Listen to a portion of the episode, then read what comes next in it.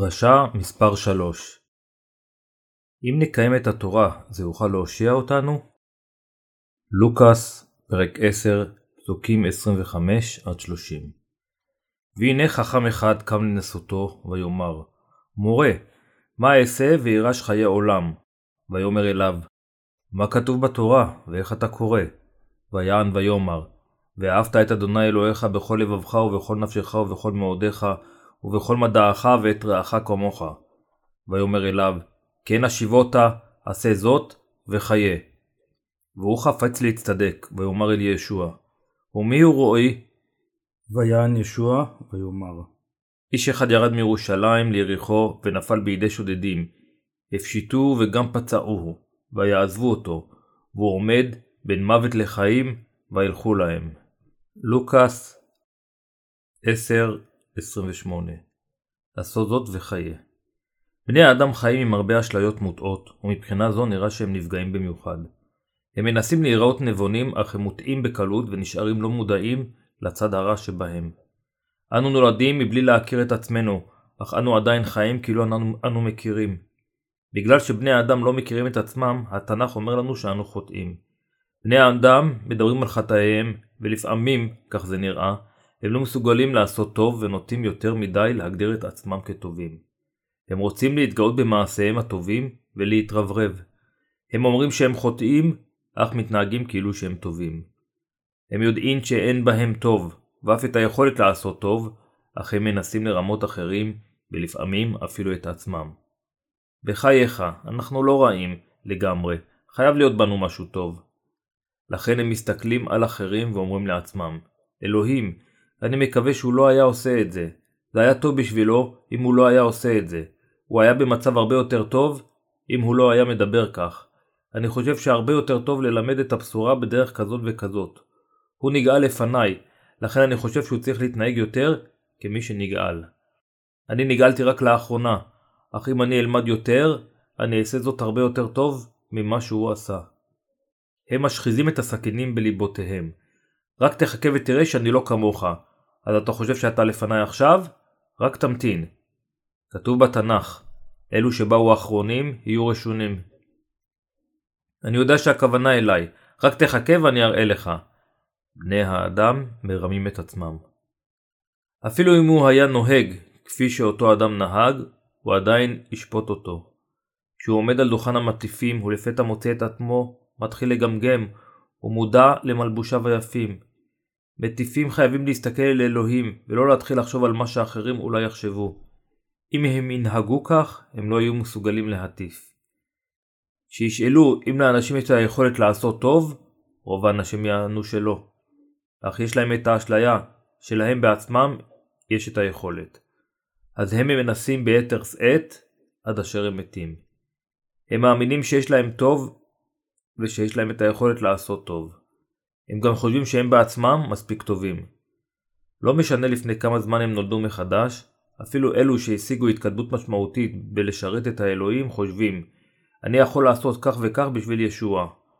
אך אם נוציא את ישוע מחוץ לחיינו, האם באמת אנו מסוגלים לעשות טוב? האם יש טוב בבן אנוש? האם הוא יכול לחיות ולעשות טוב? לבני האדם אין את היכולת לעשות טוב. כל פעם שבני האדם מנסים לעשות משהו בעצמם, הם חוטאים. אחדים מנסים לדחוק את ישוע הצידה לאחר שהם נגאלו, ומנסים לעשות טוב בכוחות עצמם. בלב כולנו אין שום דבר מלבד רשע. אנו יכולים להתמחות ברשע. אנו יכולים רק לחטוא בכוחות עצמנו, אפילו אלו שנגאלו. זוהי המציאות של גופנו. בספר ההלל שלנו, השבח לישוע, יש שיר שהולך כך: בלי ישוע אנו רק נמעד, אנו חסרי ערך, כמו ספינה שחוצה את הים ללא מפרש. ללא ישוע, אנו רק יכולים לחטוא. אנו צדיקים רק מכיוון שנגאלנו, במציאות אנו רשעים. פאולוס השליח אמר, כי אינני עושה את הטוב אשר אני רוצה בו, כי אם את הרע אשר אינני רוצה בו, אותו אני עושה. אל הרומים, פרק 7, פסוק 19. אם בן האדם נמצא עם ישוע זה לא משנה, אך אם לבן האדם אין שום קשר עם ישוע, הוא מנסה לעשות טוב לפני האלוהים, אך ככל שהוא משתדל יותר, הוא עושה יותר רע. אפילו לדוד המלך היה אותו טבע. כאשר ארצו הייתה שלווה ומשגשגת, הוא יצא לסייר בשווקים. הוא ראה מראות מפתים, וחש הנאות חושניות. כיצד הוא היה כשהוא שכח את אלוהים? הוא נהיה רשע. הוא הרג את אוריה, ולקח את אשתו. אך הוא לא יכל לראות את הרשע שבתוכו. הוא תירץ תירוצים למעשיו. ואז, יום אחד, נתן הנביא בא אליו ואמר שני אנשים היו בעיר אחת, אחד עשיר ואחד עני. לעשיר היה צאן ובקר הרבה מאוד, ולעני אין קול, כי אם כבשה אחת קטנה אשר קנה, ויחיה ותגדל עמו, ועם בניו יחדיו, מפיתות תאכל, ומכוסו תשתה, ובחוקו תשכב, ותהי לו כבד. ויבוא הלך לאיש העשיר, ויחמול לקחת בצונו ומבקרו, לעשות לאורח הבא לו, ויקח את כבשת האיש הרש, ויעשה לאיש הבא אליו. שמואל ב', פרק 4, פסוקים 1-12 דוד אמר, חי אדוני כי בן מוות האיש העושה זאת. הוא כעס כל כך ואמר, יש לו כל כך הרבה צאן ובקר משלו, הוא יכול היה לקחת אחד מהם, אך הוא לקח מהאיש העני את כבשתו היחידה כדי להכין אוכל לאורחיו. הוא חייב למות. ועד נתן הנביא אמר לו, אתה האיש. אם לא נלך אחרי ישוע ונפעל על פיו, אפילו הנולדים מחדש יכולים להיות כאלה. זה נכון לגבי כל בני האדם, אפילו המאמינים. ללא ישוע, אנו תמיד נכשלים ועושים רע. לכן היום אנו שוב אסירי תודו לישוע שהושיע אותנו למרות הרשעות שבתוכנו. אני רוצה לנוח תחת צילו של הצלב.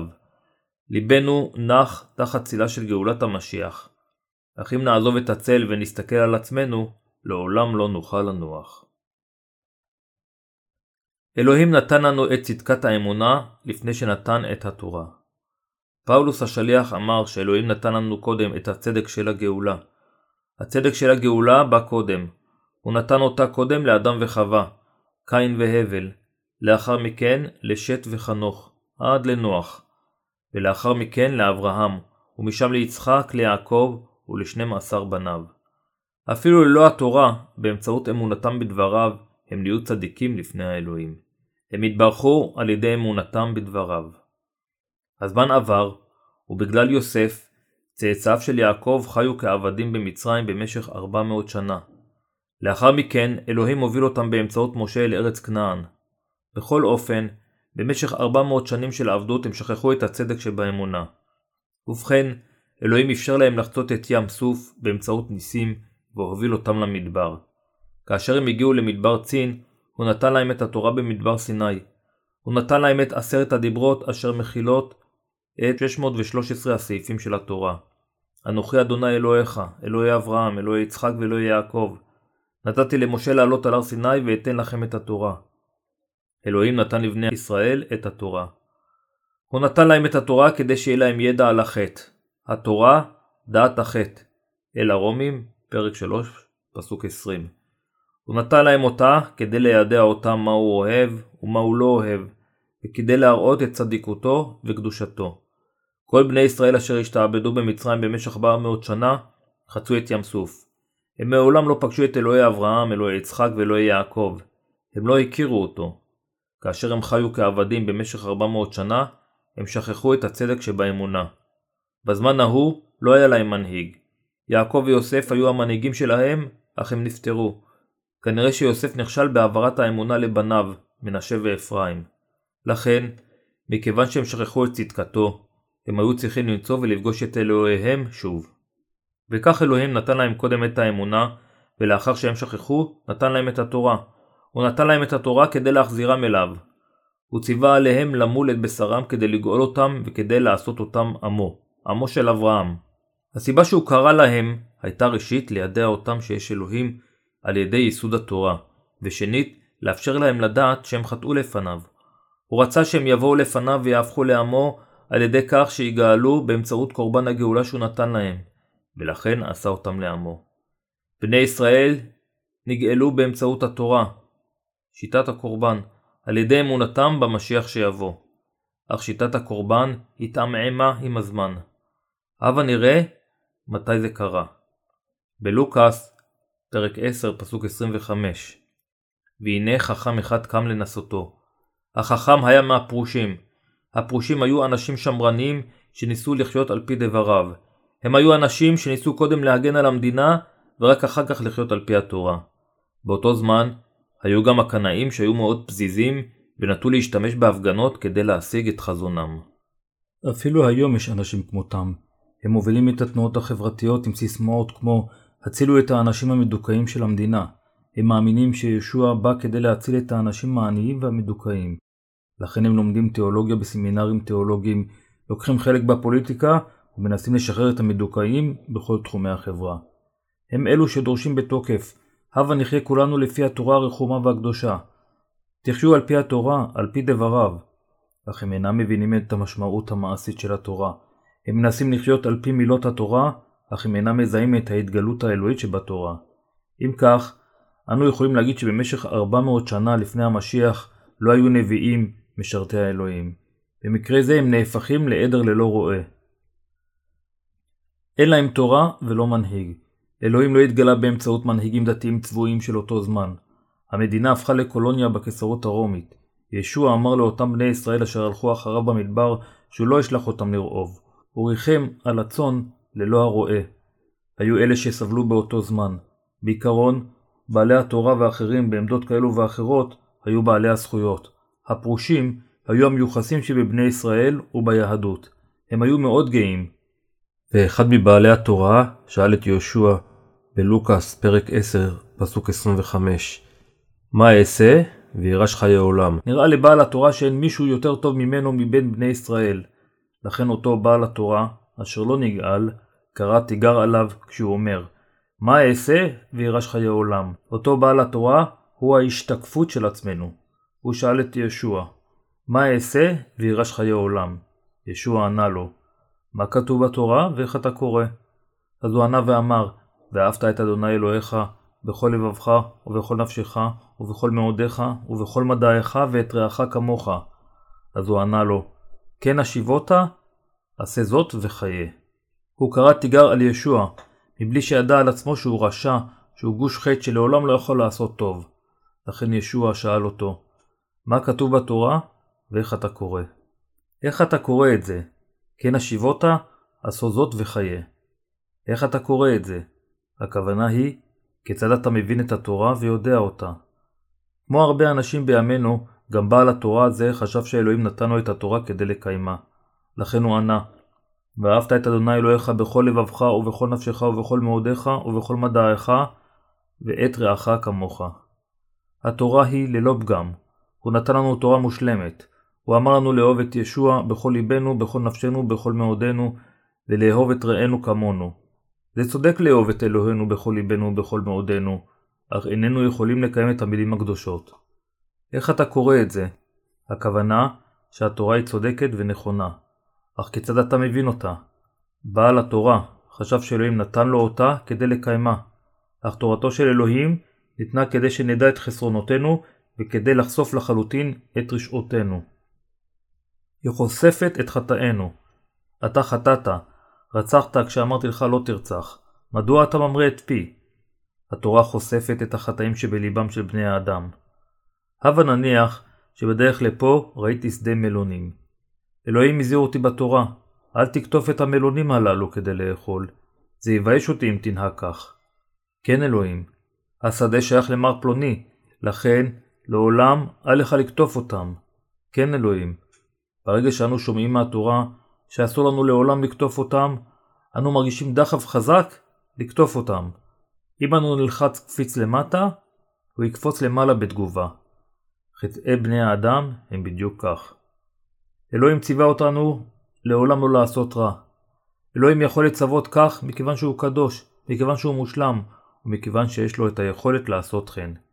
מצד שני, אנו לעולם לא יכולים שלא לחטוא. לעולם איננו יכולים לעשות טוב, ולעולם לא יהיה לנו טוב לב. התורה אומרת לעולם לא, היא קובעת תנאים עם המילה לא. מדוע? מכיוון שלבני האדם יש תאווה בלב. אנו פועלים על פי תאוותינו. אנו נואפים מכיוון שיש לנו תאווה בליבנו. אנו צריכים לקרוא את התנ"ך בקפדנות. בהתחלה, כאשר האמנתי ביהושע, אמונתי הייתה על פי המילים. קראתי שיהושע מת על הצלב למעני, ולא יכולתי לעצור את הדמעות מלזלוג. הייתי כל כך רשע, והוא מת על הצלב למעני. ליבי דאף כל כך כשהאמנתי בו. לאחר מכן חשבתי, אם אני מאמין בו, אז אני כבר אאמין בו בהתאם למילים. כאשר קראתי את ספר שמות, פרק 20, כתוב, לא יהיה לך אלוהים אחרים על פניי. התפללתי בחרטה בהתאם למילים אלו. פשפשתי בזיכרוני אם היו לי אלוהים על פניו, או שהזכרתי את שמו לשווא, או שמא השתחוויתי לפני אלוהים אחרים. הבנתי שבזמן פולחן האבות השתחוויתי הרבה פעמים לאלוהים אחרים, אז ביצעתי חטא שהיו לי אלוהים אחרים. התפללתי בחרטה, אלוהים, עבדתי אלילים, אני חייב להישפט על זה, סלח לי על חטאיי, אני לעולם לא אעשה זאת שוב. לכן, חטא אחד טופל. לאחר מכן, ניסיתי לחשוב האם אי פעם נשאתי את שמו לשווא. נזכרתי כשהתחלתי להאמין באלוהים, הייתי מעשן. חבריי אמרו לי, האם אתה לא מבייש את אלוהים על ידי זה שאתה מעשן? כיצד נוצרי יכול לעשן? זה היה לשאת את שמו לשווא, נכון? אז התפללתי שוב, אלוהים, נשאתי את שמך לשווא, סלח לי בבקשה, אני אפסיק לעשן. ניסיתי לחדול מעישון, אך במשך שנה שלמה הפסקתי והמשכתי לעשן. זה היה מאוד קשה, כמעט בלתי אפשרי, אך לבסוף הצלחתי לחדול מעישון לגמרי. הרגשתי שעוד חטא טופל. הבא בתור היה שמור את יום השבת לקודשו. הכוונה היא לא לעשות דברים אחרים ביום ראשון, לא לעשות עסקים, לא להרוויח כסף, אז הפסקתי גם את זה. לאחר מכן היה קבל את אביך ואת אמך. קיבעתי אותם כשהייתי רחוק, אך ציערתי אותם כשהייתי קרוב. או אלוהים, חטאתי לפניך, סלח לי בבקשה, התפללתי בחרטה. אך לא יכולתי לכבד יותר את הוריי, מכיוון שבאותו זמן הם כבר מתו. מה יכולתי לעשות? ישוע, אתה נצלבת למעני, סלח לחוטא חסר ערך כמוני. כמה אסיר תודה הייתי. בדרך זו, חשבתי, שאני חייב לטפל בחטאיי בזה אחר זה. היו עוד צווים, כמו לא תרצח, לא תנאף, לא תחמוד. הבנתי שלא קיימתי אפילו אחד מהם. התפללתי כל הלילה. איך אתם יודעים, להתפלל בחרטה זה לא מהנה. הבה נדבר על זה. כאשר חשבתי על צליבתו של יהושע, יכולתי להעריך עד כמה מכאיב זה היה. והוא מת למעננו, אנו שלא יכולים לחיות על פי דבריו. בכיתי כל הלילה כשאני חושב כמה אני אוהב אותו ומודה לו על שנתן לי הנאה גדולה. כשביקרתי בכנסייה, השנה הראשונה הייתה קלה, אך השנים שלאחר מכן התחילו ממש להיות קשות. מכיוון שעשיתי זאת לעיתים קרובות, הצטרכתי לחשוב בצורה עמוקה יותר כדי שהדמעות יזלגו. כשהדמעות לא זלגו, הלכתי לעיתים קרובות להתפלל בערים וצמתי שלושה ימים. לאחר מכן הדמעות חזרו. רווי בדמעותיי חזרתי לחברה ובכיתי בכנסייה. האנשים שמסביבי אמרו, נהיית הרבה יותר קדוש עם תפילותיך בערים, אך הדמעות יבשו שוב. בשנה השלישית זה נהיה ממש קשה. חשבתי על הרעות שעשיתי לחבריי ולעמיתיי הנוצרים, ובכיתי שוב. לאחר ארבע שנים כאלו, הדמעות יבשו שוב. היו לי בלוטות בעיניים, אך הן לא עבדו יותר. לאחר חמש שנים, לא משנה כמה ניסיתי, לא יכולתי לבכות שוב. לאחר מכן אפי החל לנזול. לאחר מספר שנים נוספות כאלו, נגאלתי מעצמי וחזרתי שוב לתנ"ך. באל הרומים, פרק 3, פסוק 20, אנו קוראים כי על ידי התורה דעת החטא. התייחסתי לזה כמסר אישי אל פאולוס השליח, והאמנתי רק במילים שבחרתי, אך לאחר שדמעותיי יבשו, לא יכולתי להמשיך את חיי אמונתי. לכן, חטאתי שוב ושוב, ונוכחתי לדעת שיש לי חטא בליבי, וגם שזה בלתי אפשרי לחיות על פי התורה. לא יכולתי לשאת זאת, אך לא יכולתי גם להשליך אותה, מכיוון שהאמנתי שהיא ניתנה כדי לציית לה. בסופו של דבר, נהייתי כמו בעל התורה שראינו בכתבי הקודש. זה נהיה כל כך קשה להמשיך בחיי האמונה. לכן, כדי להימלט מהקשיים, עשיתי הרבה מאמצים כדי למצוא מטיף שמלמד על הלידה מחדש מהמים והרוח. פגשתי מטיף שלימד שכל חטאינו כופרו.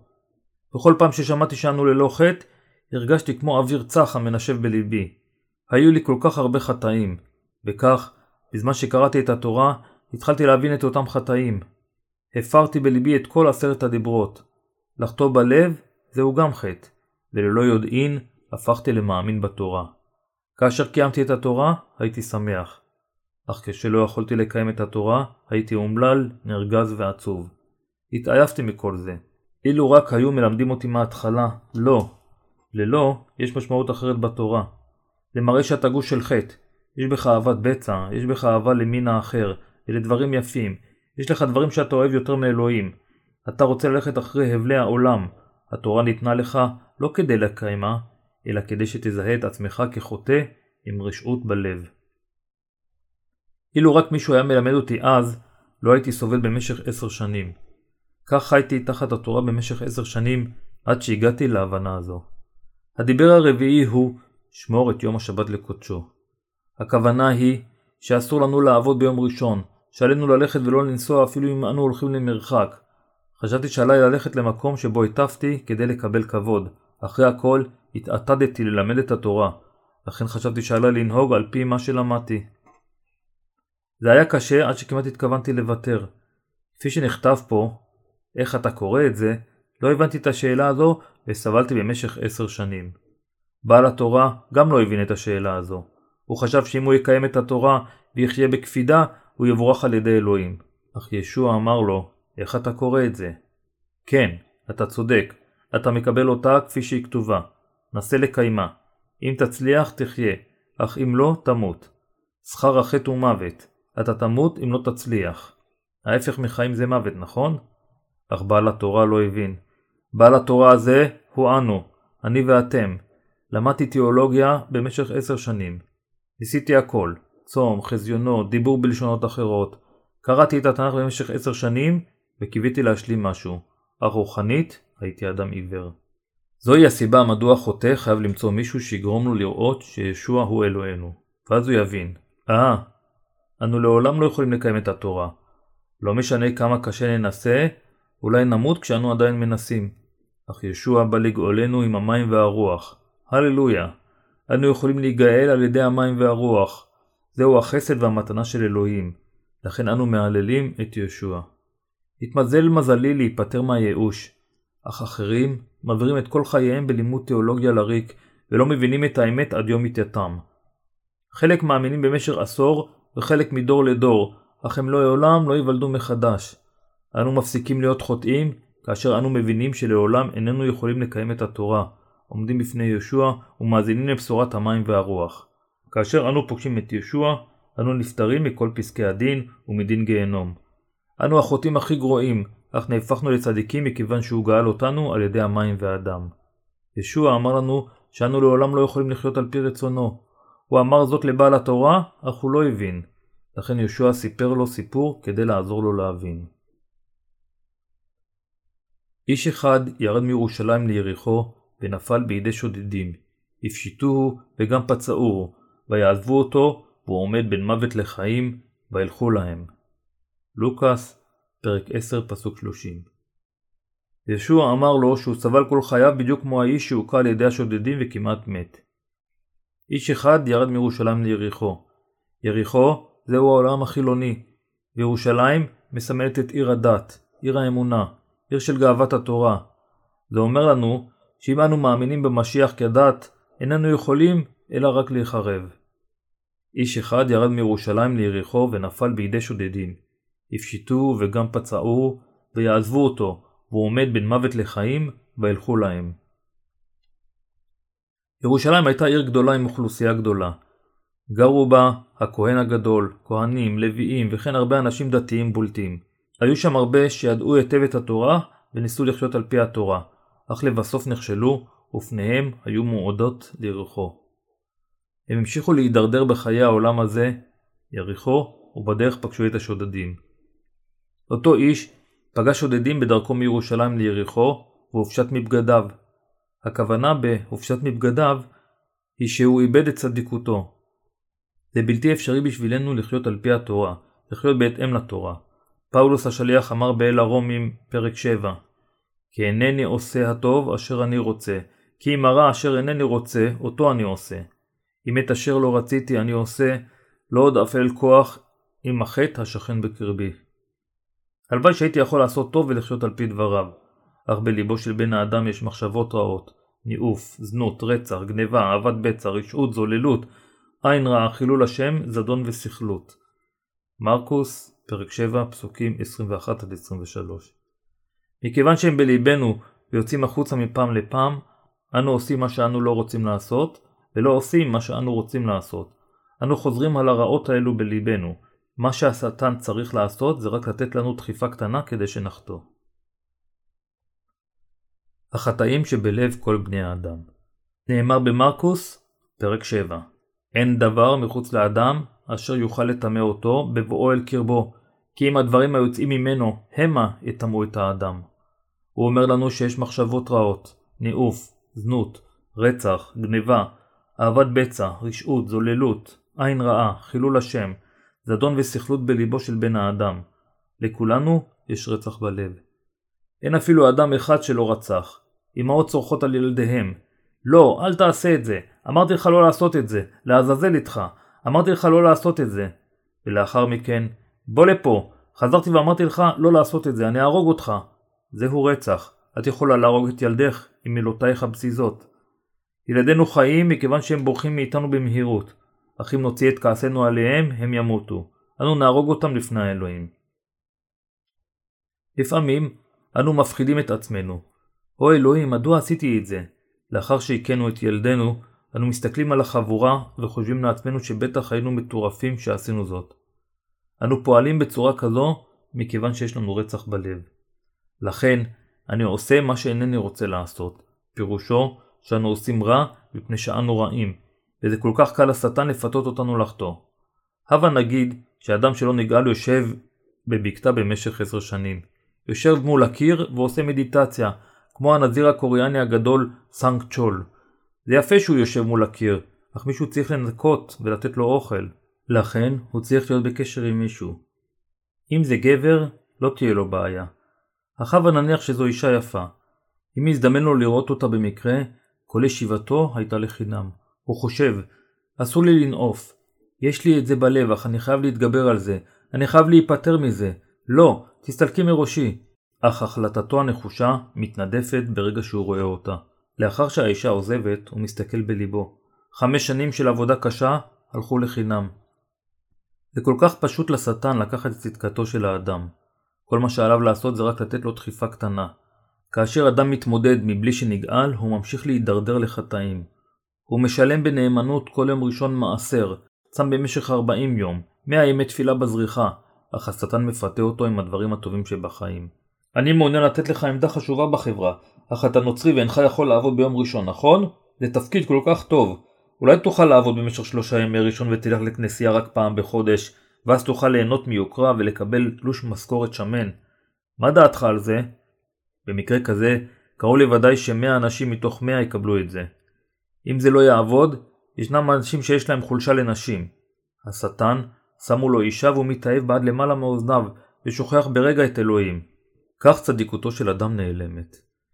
אם ננסה לחיות על פי התורה, כל מה שיהיה לנו בסופו של דבר זה פצעי חטא, כאב ודלות. אנו נאבד את כל צדיקותנו.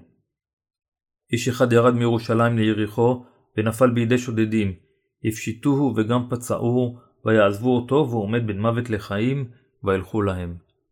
המשמעות של זה היא, שלמרות שננסה להישאר בירושלים על ידי כך שנחיה על פי רצונו של אלוהים הקדוש, אנו ניכשל פעם אחר פעם בגלל חולשתנו ולבסוף נושמד. לאחר מכן נתפלל בחרטה לפני אלוהים, ישוע, חטאתי, בבקשה סלח לי, אני לא אעשה את זה יותר, אני מבטיח שזו באמת תהיה הפעם האחרונה, אני מתחנן ומפציר בך שתסלח לי רק הפעם הזו. אך זה לעולם לא נגמר. בני האדם אינם יכולים לחיות בעולם הזה מבלי לחטוא. הם אולי יהיו מסוגלים להימנע מזה מספר פעמים, אך זה יהיה בלתי אפשרי לא לחטוא שוב. לכן חטאים נעשים שוב. סלח לי בבקשה ישוע. אם זה יימשך כך, הם ייסחפו הרחק מהכנסייה, מהדת. הם ייסחפו הרחק מהכנסייה בגלל חטאיהם וסופם יהיה גיהנום. לרדת ליריחו פירושו להידרדר לעולם החילוני, להתקרב לעולם ולהתרחק מירושלים. בהתחלה ירושלים עדיין קרובה, אך ככל שמעגל החטא והתשובה חוזר חלילה, אנו מוצאים את עצמנו ברחובות יריחו, נופלים עמוק לתוך חיי העולם הזה. את מי פגש האיש בדרכו ליריחו? את השודדים. מי שלא חי את התורה הופך לכלב שפל. הוא שותה, נרדם ועושה את צרכיו בכל מקום. כלב זה מתעורר ביום שלמחרת ושותה שוב. כלב אוכל אפילו את צרכיו, בגלל זה הוא כלב. הוא יודע שאסור לו לשתות, הוא מתחרט בבוקר שלמחרת, אך שותה שוב. זה כמו האיש שפגש בשודדים בדרכו ליריחו. הוא נשאר מאחור, פצוע וכמעט מת. בליבו יש רק חטאים. זה מה שבני האדם הם. אנשים המאמינים בישוע וחיים על פי התורה, נשארים לבסוף רק עם החטאים בליבם. כל מה שהם יכולים להראות בחייהם הדתיים זה רק את פצעי החטא. אלו שעם חטא בלב ייזרקו לגיהנום. והם יודעים את זה, אך לא יודעים כיצד לנהוג. האם אתה ואני לא היינו שם לפני כן? כן, כולנו אותו דבר. בעל התורה שלא הבין את תורת האלוהים, יהווה כל חייו, אך הוא יסיים אותם בגיהנום פצוע. בעל התורה הוא אנחנו, אתה ואני. רק ישוע יכול לגאולנו. יש כל כך הרבה אנשים חכמים מסביבנו, אשר מראים תמיד מה שהם יודעים. הם כולם מעמידי פנים שהם חיים על פי תורת אלוהים. הם לא יכולים להיות ישרים עם עצמם. הם אינם יכולים לקרוא בשמו אך תמיד מתרכזים בטיפוח החיצוניות שלהם כדי להיראות מאמינים. בינם יש חוטאים שבדרכם ליריחו, אותם אלו שמוכים על ידי השודדים, ואחדים מהם כבר מתים. אנו חייבים לדעת עד כמה אנו שברירים לפני אלוהים. אנו צריכים להודות בפניו, ישוע, אם לא תגאל אותי אני אלך לגיהנום, הצל אותי בבקשה. אם תאפשר לי לשמוע את הבשורה, אלך לאן שתרצה, בין אם ירד ברד או תהיה סערה. אם תעזוב אותי, אלך לגיהנום. אני מתחנן לפניך, הצל אותי. אלו שיודעים שהם מיועדים לגיהנום, אלו שיפסיקו לנסות בעצמם ויצמדו לישוע, הם אלו שיוכלו להיגאל. לעולם לא נוכל להיגאל בעצמנו. אנו חייבים לדעת שאנו כמו האיש שנפל בידי השודדים.